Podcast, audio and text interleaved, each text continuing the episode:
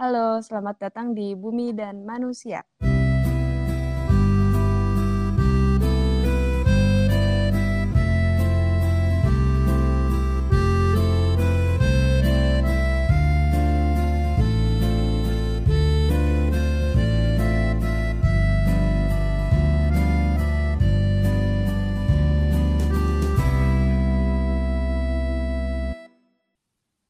Halo, halo, selamat datang kembali di podcast Bumi dan Manusia, episode Q&A alias Q&A.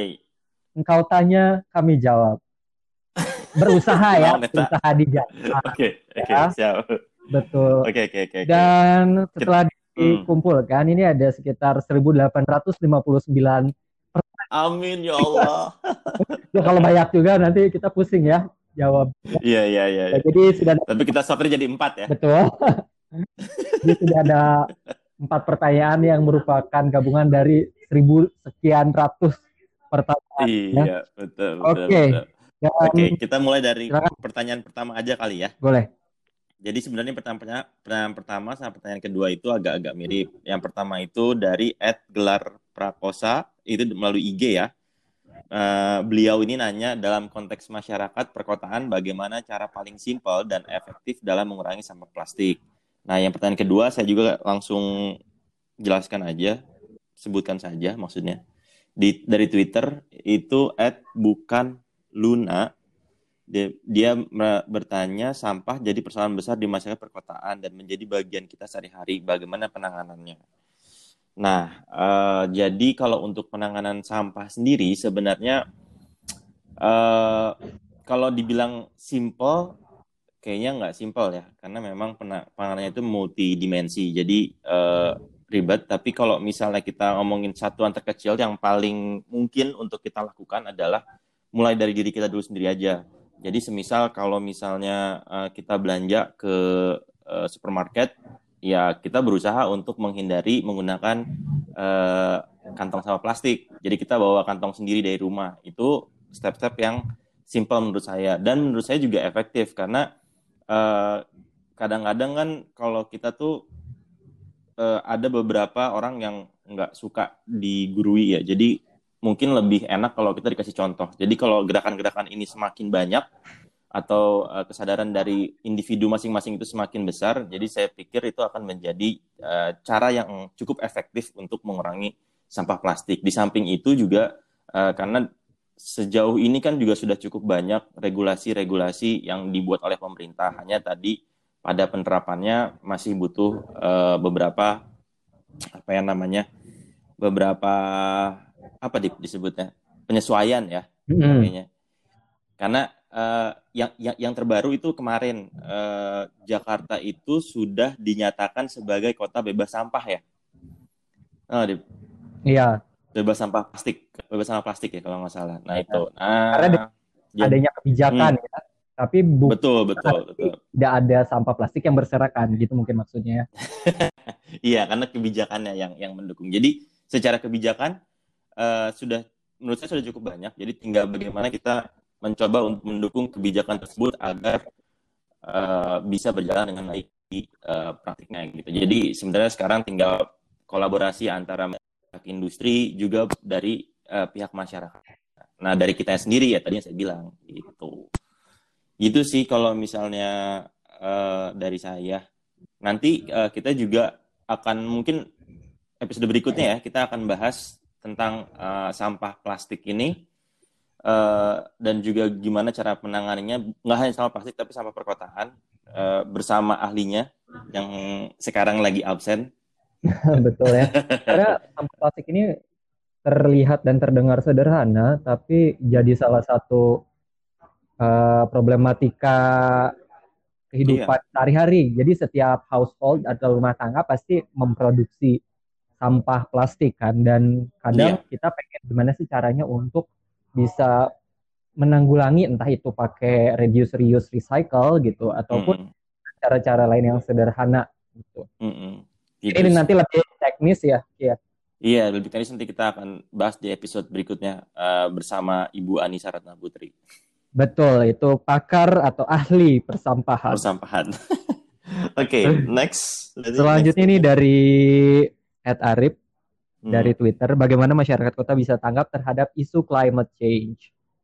Ini Hmm. bakal jadi perdebatan yang sangat panjang karena beberapa orang menyadari bahwa climate change itu isu global yang sangat penting gitu. betul, Tapi betul. berapa menyisikan eh, climate change sebagai persoalan yang biasa aja gitu, bahkan dianggap Betul. eksis atau tidak ada. Sementara Betul. kalau kita bisa rasakan gitu ya, emang kita rasakan meningkat suhu bumi, terus mempengaruhi Hmm. permukaan laut, terus akhirnya Hmm. ada perubahan cuaca yang ekstrim, kayak sehari hujan atau seharinya enggak, atau terus ada Hmm. eh, banjir yang nggak terduga, terus di beberapa belahan dunia lain pun eh, perubahan cuacanya sangat ekstrim gitu, termasuk ada beberapa spesies yang hilang karena diduga climate change ini, dan ini Iya. pun mempengaruhi struktur masyarakat urban atau perkotaan, termasuk layanan transportasi, infrastruktur, kesehatan juga karena semakin tinggi eh, dampak climate change bakal mempengaruhi kehidupan kita juga sehari-hari gitu. Jadi si kota ini dia salah satu yang terdampak besar karena kita juga lihat di perkotaan banyak gedung-gedung tinggi, terus banyak transportasi yang emisinya itu bisa mempengaruhi eh, peningkatan suhu global gitu ya.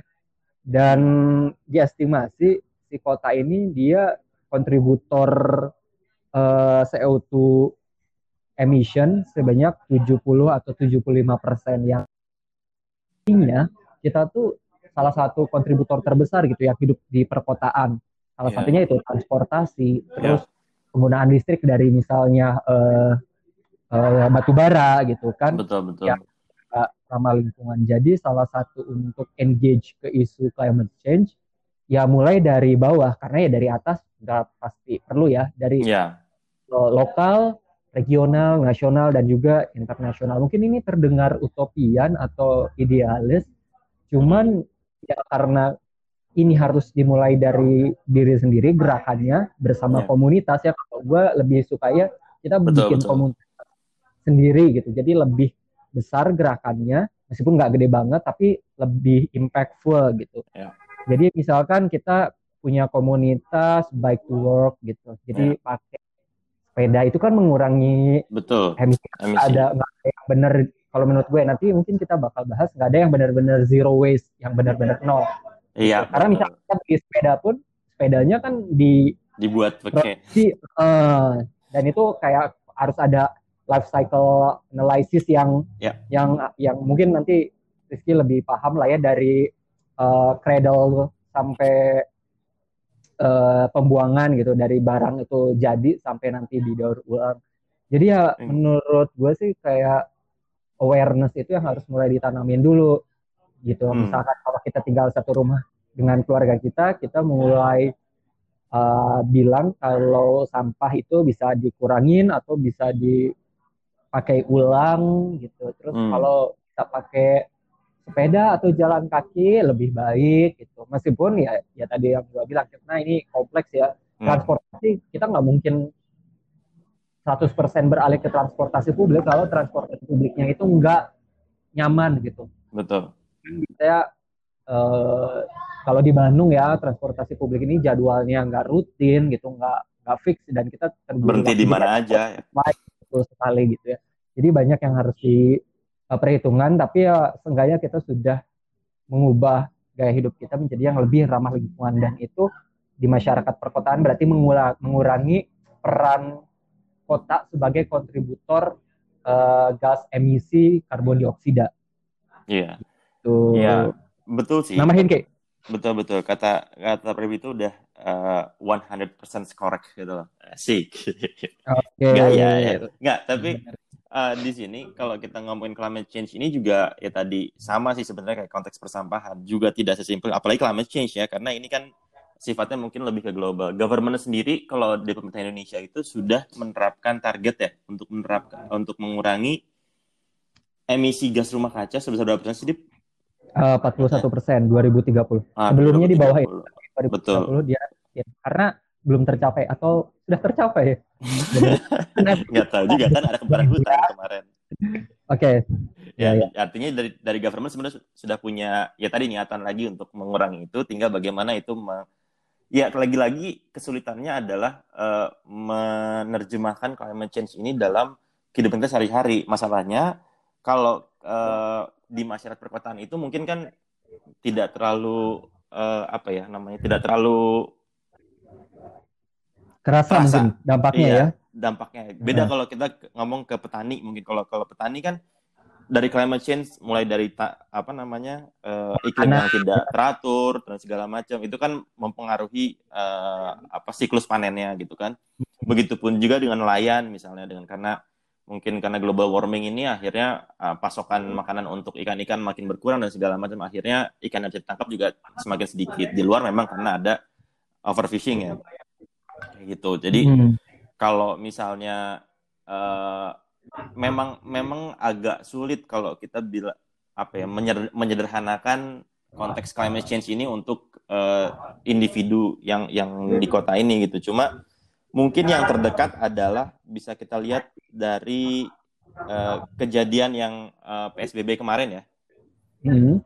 Itu kan kalau di Jakarta eh, tadinya kan apa namanya padat tuh penuh terus tiba-tiba jadi sepi Hmm. ketika sepi Kendaraan. itu ah sepi kendaraan ya sepi kendaraan dan sepi kendaraan itu terus ternyata kalau kita buka apps nih yang apa sih disebut Air visual. ah gitu pas dilihat ah, lebih bagus ya kondisi Ya. udaranya gitu nah mungkin dari dari dari part-part kecil kayak gitu aja sih yang yang bisa di ini cuman mudah-mudahan dengan terus ini juga salah satu kenapa motivasi kita membuat podcast juga ya sebenarnya Dip Ya, jadi bisa belajar bareng-bareng. Sudah kita belajar ya. bareng-bareng gitu untuk sharing kira-kira eh, gimana sih cara untuk praktek segala macamnya gitu. Oke, kita lanjut ya. Pertanyaan terakhir. Dan terakhir, eh, ini berarti Ada voice note ya. voice note nih. Sebentar, saya coba play ya. Loh, di mana ya voice note-nya, Dip? Ah, ini ada. Sebentar.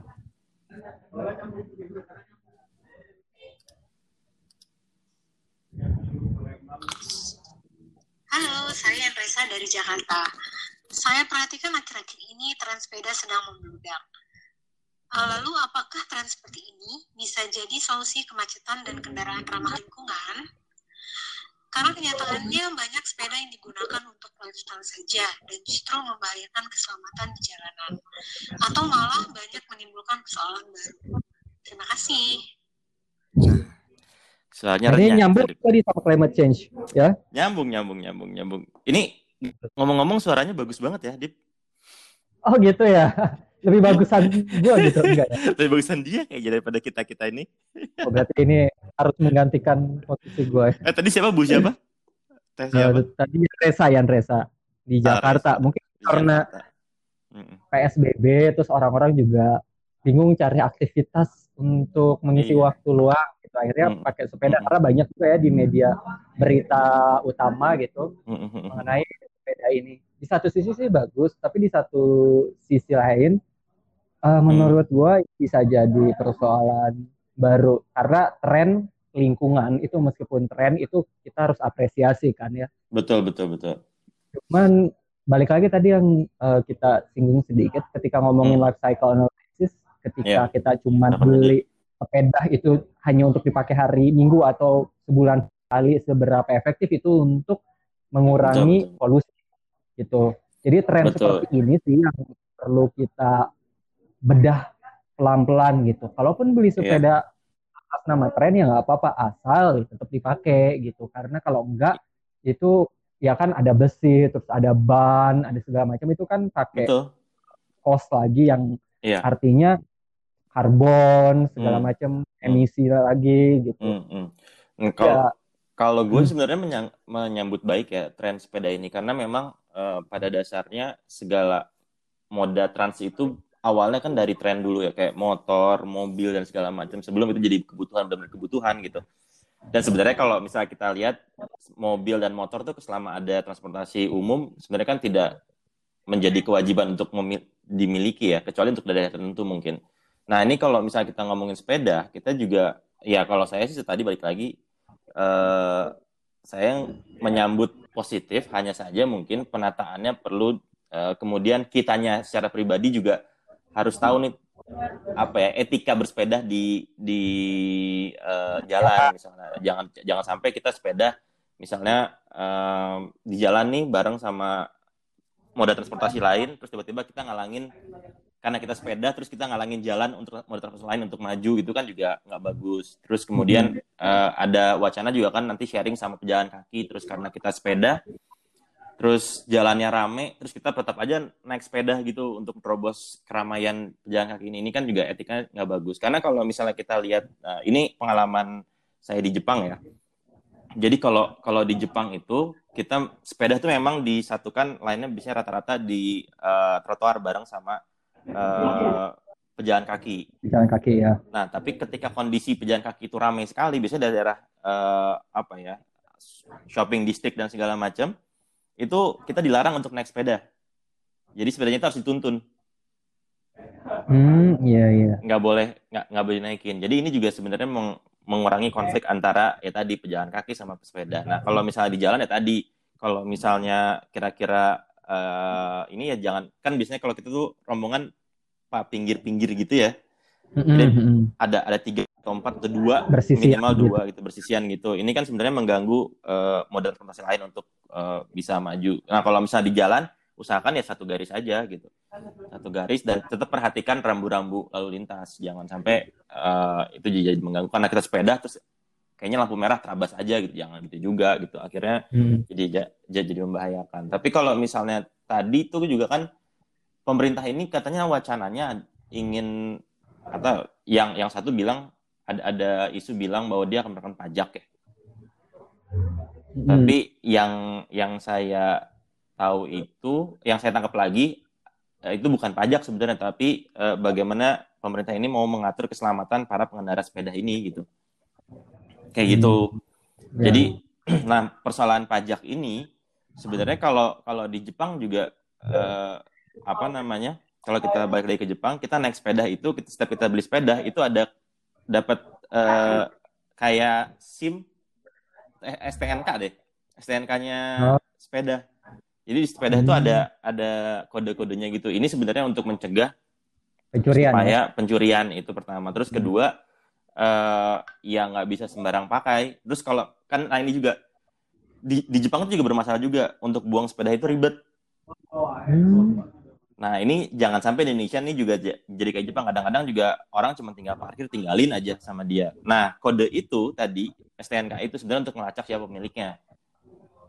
Ya nanti kalau misalnya ada sepeda dibuang di mana aja segala macam itu bisa dilacak ke pemiliknya siapa gitu. Jadi si sepeda ini bukan jaminan kita bebas dari peraturan berkendaraan. Iya, iya, Jadi emang- iya, Tadi disebut etikanya. Mungkin kalau lagi bersepeda kita harus lihat kita bergerombol atau enggak, terus barisannya rapi atau enggak karena iya. nggak menyangkut keselamatan orang lain aja, tapi juga keselamatan kita. Kita sendiri, Oh, ya lampu merah harus tetap Mm-mm. ditaati gitu. iya, Ya, ya, ya itu sih. Tapi saya juga gimana? ini ya. menarik juga ya kalau ngelihat bahkan sekarang aja saya lihat kalau pagi-pagi segala macam banyak banget orang naik sepeda dan segala macam. Mudah-mudahan ini menjadi tren konsisten ya. Artinya orang udah emang udah siap-siap. Ya, mm. Iya, ntar didukung juga dengan eh, sebenarnya kan juga harus terintegrasi ya antara satu moda transportasi dengan moda transportasi lain. Jadi eh, mungkin ada jarak yang bisa ditempuh oleh sepeda, tapi ada jarak yang eh, nggak mungkin ditempuh oleh sepeda gitu. Jadi harus nyambung transportasi lain segala macam. Nah, mudah-mudahan nih pemerintah juga selain tadi eh, mengatur keamanan dan kenyamanan untuk si pengendara sepeda ini juga mengatur transportasi yang terintegrasi. Jadi Mm. nanti eh, pengurangan akhirnya bisa jadi pengurangan eh, penggunaan kendaraan pribadi yang berbasis fosil fuel ya. Mm-mm. Itu. Jadi nanti bisa diintegrasi mungkin dari dari sekitar 2 kilo, 3 kilo masih bisa sepedahan, terus ntar ada halte bis, Hmm. terus nanti sepedanya bisa diparkirin di mana, terus Iya. bikin parkiran sepeda dan segala macam. Nanti bisa naik bis, ntar ada sampai ke tempat yang kita tujuan segitu macet kayak gitu sih. Ya gue juga pernah Mudah-mudahan lihat di- di Jakarta udah ada. Jadi ada beberapa ya? shelter bus uh, di Jakarta itu ya Transjak ada space untuk parkir sepeda. Jadi bisa digembok ke beberapa tiang gitu. Jadi nggak semua sih karena itu mungkin tergantung uh, mana yang padat gitu, terus mana yang emang Iya. bisa Betul. diakses pengendara sepeda. Tapi udah ada niatan itu. Mungkin di Iya, Bandung bener. kan kita udah ada eh, sepeda yang bisa disewa di beberapa titik Itu gitu kalau udah- eh, kan ya udah lama kan ya? ya itu udah udah lama nah maksud gue ini tuh udah ada inisiatif dari pemerintah baik itu kota nah sekarang tinggal masyarakatnya jangan sampai tren sepeda ini berakhir ketika nanti PSBB-nya udah kelar gitu ya kita udah Hmm. menjalani eh, adaptasi kebiasaan baru yang secara penuh mempengaruhi kehidupan Hmm. kita terus akhirnya sepedanya ditinggal gitu. Iya, Jadi ya, karena dalam jangka panjang semoga aja ini terus konsisten tadi iya. bilang gitu. Iya sayang aja kan ya kalau cuma pendek karena sekarang kan sepeda juga harganya naik gila-gilaan tuh. Bener ya, apalagi beberapa sepeda tertentu. Oh gitu iya. ya. ya kan kalau udah beli mahal-mahal gitu nggak dipakai sayang juga gitu. Dan Ah. kalau dari sisi lingkungannya ya tentu tadi eh, sama lah kayak kita menggunakan sendok eh, ah, sorry sedotan stainless steel ya. Mhm. Ya kalau dipakainya ada berapa berapa kali pakai baru dia akan DP lah untuk ininya. Nah sepeda pun sama seharusnya. Jadi usahakan seoptimal mungkin dipakainya kalau ini gitu. Ya, yang penting ya trennya positif, konsisten, terus Ya. dari yang cuman rekreatif gitu ya, Mm-mm. fungsi sepedahannya jadi habituasi gitu. Jadi Betul. misalkan seminggu ke tempat kerja atau ke sekolah tiga hari sekali, kalaupun nggak bisa ke tujuan langsung ya tadi diparkir di dekat kendaraan publik terdekat Iya. gitu ya. Oke. Sama bawa baju ganti jangan lupa. Kalau misalnya lagi ke kantor Hah? jangan basah-basahan pakai baju ini karena Eh, ntar konsumsi air nambah, ntar masalah lagi dong. ya Mbak, Dia tetap nambah. Iya juga tapi maksudnya kan kadang kalau di sini kan beda ya sama, sama di luar. Kita kan kalau sepedahan keringetan banyak segala macam. Ya pas ketika keringetan masuk ruangan bisa mengganggu orang lain juga kan. Nggak nyaman juga kan. Ya, betul. mungkin itu juga dijaga. di rumah jangan mandi dulu, jadi mandi nanti. Iya, Jadi tetap Jangan mandi. gitu gitu. Oh ya, gitu sih dari ini. Itu ya pertanyaan. Aduh. Terima kasih ya. Dan untuk masalah persampahan nanti akan kita coba bahas lebih lanjut lagi di Di episode, episode berikutnya. berikutnya. Betul. Terima kasih yang udah ngirim pertanyaan. Eh, bisa ngirim pertanyaan di media sosial kita, bisa dicek nanti di eh, halaman kanal podcast kita di Spotify. Bisa juga kirim lewat email. Pokoknya kita menampung segala bentuk pertanyaan ataupun komentar, masukan, kritik juga sangat kami tunggu-tunggu gitu ya. Iya, betul. Oke, gitu aja ya. Ya. Oke, baik. Terima Oke. kasih sudah mengirimkan pertanyaan dan mendengarkan. Semoga menjawab. Dah. Dadah.